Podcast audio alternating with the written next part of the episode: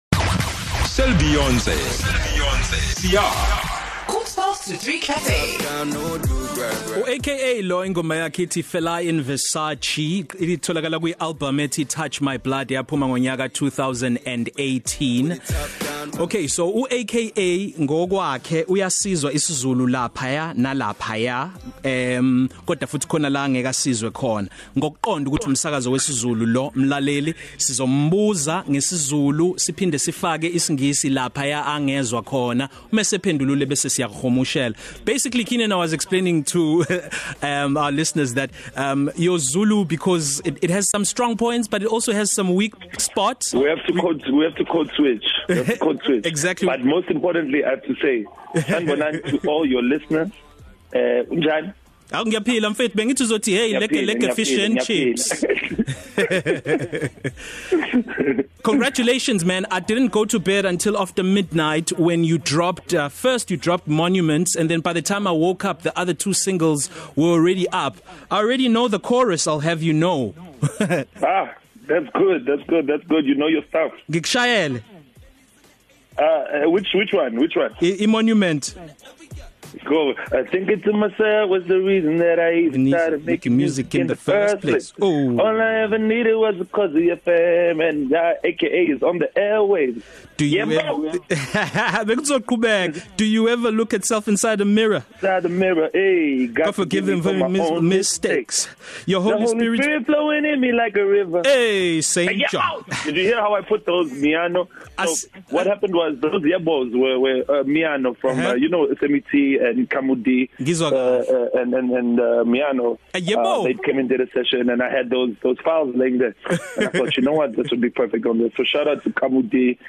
Semiti and Miano and on the tail end of that hook you got I got the jacket with the Michael Jackson zipper moonwalk Yebo. champagne speaking of jackets man there's that jacket you rocked at the um, MVCAs when you performed live I don't know if you yes, still sir. remember my brother I'll, the the following day I went to uh, actually I'll, I'll be honest I went went to Diesel and I said, "Did you see the jacket AKA was wearing? Do you guys have it?" Cuz I thought it was Diesel, man. Hook a brother up. No, sir.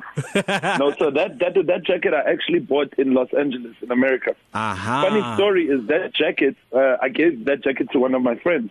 and he stole that jacket and I hadn't seen that jacket for maybe 6 months. Whoa. And it was returned to me somehow. Somebody had to go steal it back from one of my friends and uh, I got it that day. and I decided, you know what, this is the time to unleash it. And uh, you know that performance was very special for me because they allowed me to uh, have the time to go through my hits over the years. Mm. And uh, you know, for me, it's still very, very humbling. Even today, my career is about 13 years long now. And for people still to be supporting me the way that they do, mm. uh, you know, it really hits me in my heart. And you know, KZN is, is very, very important for me. I, that's why I came and I did Orchestra Seguini uh, uh, at the Durban ICC. Mm. That's why my my child is half Zulu. I mean, really. Yeah, I really man. love KZN. Yeah, yeah. man. Speaking of her, man, Cairo it is, right? Um how is she because it's it's it's it's locked down, are you able to see her Um, are there any restrictions? Are you able to still have your bond as father and daughter? Well, well, well, well, well you know, we, we try and make it work as best as we can. Uh, mm. Obviously, I'd like to see her much, much more. Mm. But, uh, you know, my mom is doing an amazing job because my mom actually studied to be a teacher. Shout out to her. So, so, so my mom is, is, is kind of Caro's teacher now. They do uh, Zooms now uh, with the school yeah. uh, classes. Obviously, you know, she's with her mom, and, uh, you know, it, it is what it is right now. But, you know, we do the best that we can. So shout out to everybody out there with kids who are missing your kids, yeah. who might not be with you right now.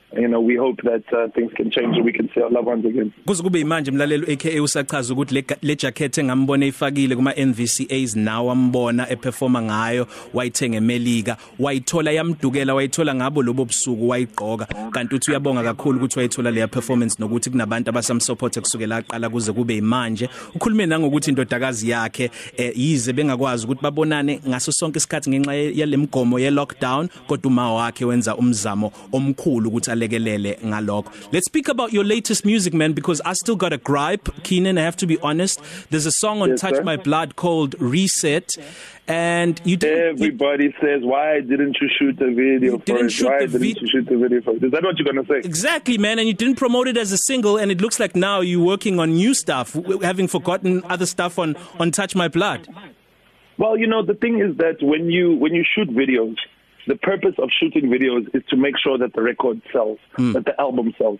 I would love to have shot a video for every single uh, uh, song. Yeah. But I think that just speaks to the strength of Touch My Blood. Touch My Blood is a classic album. Uh, you know, we went double platinum with, with Touch My Blood. And, um, you know, after that, it didn't make any more sense for me to invest any more money uh, to, to shoot more videos because, you know, in a way, the, the mission was accomplished. Mm. Um, but you know, I I I really enjoy when people say, you know, this is my favorite. No, this is this. I, there's different favorites for different people. Yeah, and that just speaks to the kind of the the variety uh, of of the music on the album. Let's speak about the beef without speaking about the beef. I know you always mm-hmm. get, I know you always get this.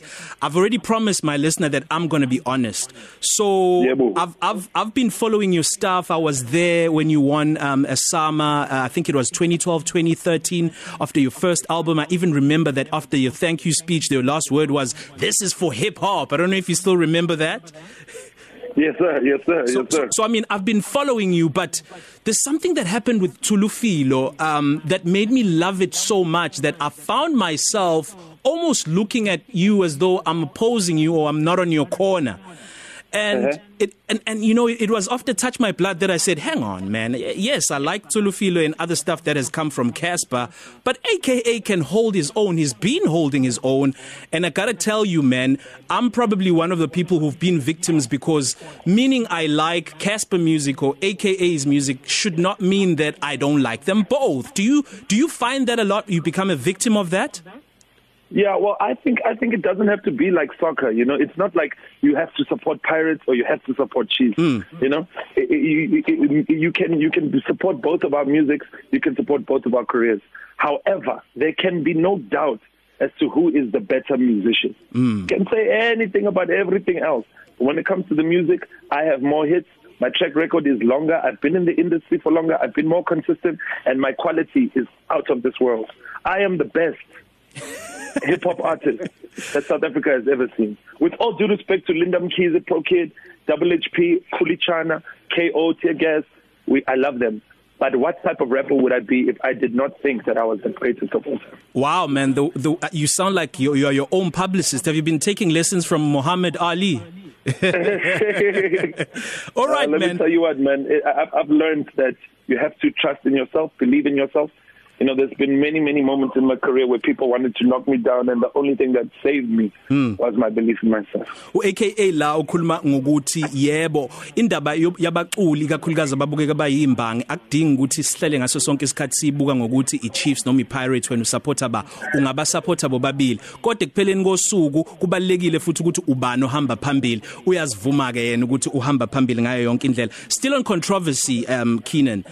um I don't know man I, is it a style blunt because you you really coming up front like uyababiza abantu sizwe dlomo mm. and a few weeks mm, ago mm, bumbiza eh, uCasper ngazo ngazo wazombiza ngamapha amagama is it a stunt yeah. is it is it is it a publicity thing or you really calling out these people head on without now wanting to sugarcoat you know, you know I just think that in in, in hip hop everything is about competition it's a competitive sport hip hop is like a sport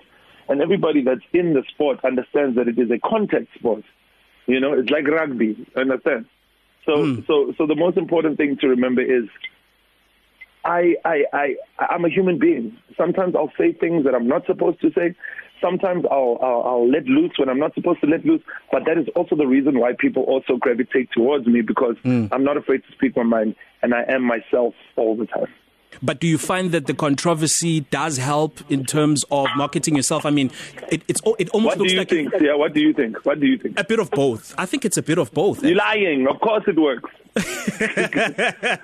There's a reason we are speaking right now. If there was no controversy, yes, controversy. What what what what what type of uh, what, what is hip hop without controversy? Understand? Yeah. What what what is hip hop without competition? Mm. If it weren't for those things, you know, hip hop wouldn't be hip hop. Yeah, yeah. Tell us about your experience, man, um, abroad. When when when AKA thinks of himself, besides besides, I remember the times when you guys were almost depicting Jay Z and Beyonce while you were still in a relationship with Bonang. But when when, when mm-hmm. AKA sits down and he depicts himself as the best, who do you match yourself with? I mean, who do you see yourself rubbing shoulders? I know you've been to Sway's show abroad, but what is the mm-hmm. pinnacle of se- self-actualization as a hip hop act for AKA?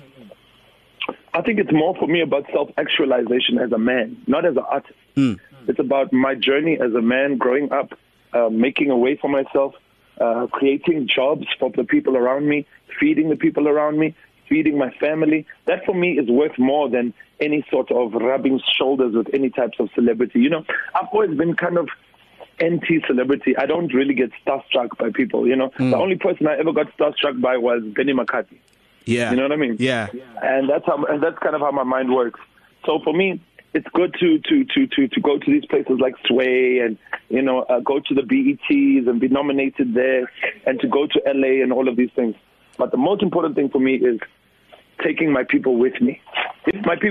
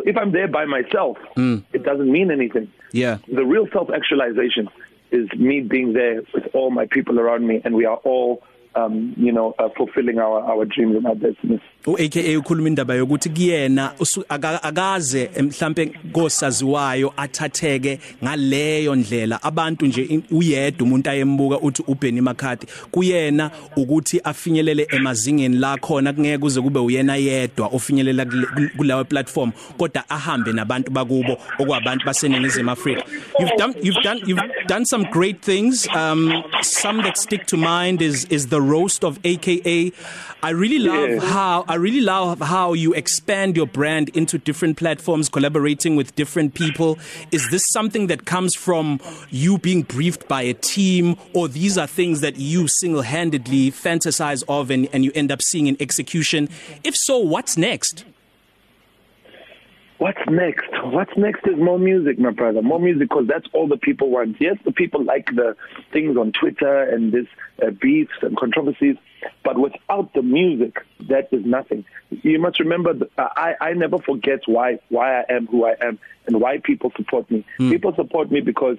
I put myself in my music. I'm not scared to be vulnerable in my music or to to to to open my heart. And as as as my career has gone on, And as I've grown as a man, and now I'm a father for a couple of years now, yeah. it's been easier for me to open myself and, and for let people see the real me through my music. Yeah. So that's what really is next. It's just more music and, and, and allowing people to, to, to, to dance, allowing people to sing. You know, when I stand on that stage and I, and, and I see people, what the music does to them, That for me is the most gratifying thing. That is what I do this for. I, I'm going to let you go uh, just now. I don't want to violate uh, the agreement you've already made with the producer. uh, yeah, man, because we'd still love to have you back on the show. But tell us about this song, man. There's something very South African about it. Jiga with Yanga Chief. Uh-huh. When, when, when, uh-huh. when, when, when you work your creative um, juices and you think South African, what nuances come to mind? What inspiration? What goes through your your mind that that can end up giving us a product as great as this song Jiga and and this is just one example for me it's it's it's about uh, you know obviously I can't I'm not, you know, proficient in Xhosa or as Zulu as I would like to be. Mm. So also the strength of collaboration for somebody like Yanga or KO or you know, it's important for me to understand that at the end of the day this is Africa, this is South Africa. We need to speak the language of the people. Um but also to to put that in the music, to put that in the bounce. You know, a lot of my music is based on 4/4. You know, mm-hmm. and which is a very like Kwaito type of, of bounce.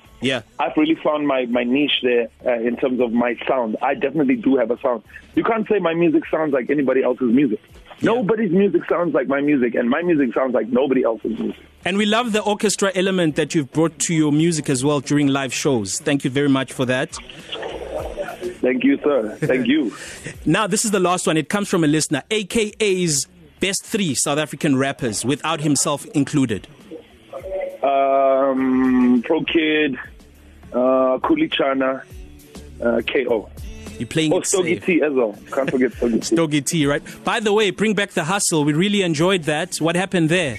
Uh, you know, uh, these things are, are, are up to, you know, the channels. Sure. And uh, we kind of at their mercy. So if it doesn't get renewed, it doesn't get renewed. But What I'm actually doing right now is I'm speaking to you. I'm actually shooting with uh, Minister Vigilin Balula right now. Mm-hmm. We're shooting a, a, a new show for AKA TV, which is an app that I've launched. I'm sure you might have heard about it. Nice. If you haven't, uh, to all the listeners, please make sure you go on Google Play, go on the Apple uh, uh, iStore, uh, download AKA TV. It's 50 rand a month. I perform there every single week. Uh, I, I, I'm working on TV content. Uh, because during this lockdown, we have to maneuver. You know, I can't perform anymore. There's no more gigs. So, you know, speaking of the hustle, you never know. Maybe one day it'll yeah. be on uh, AKA TV. Yeah, man. Keenan, tshela abalaleli bokhozi uyabathanda ave bekuthanda bona.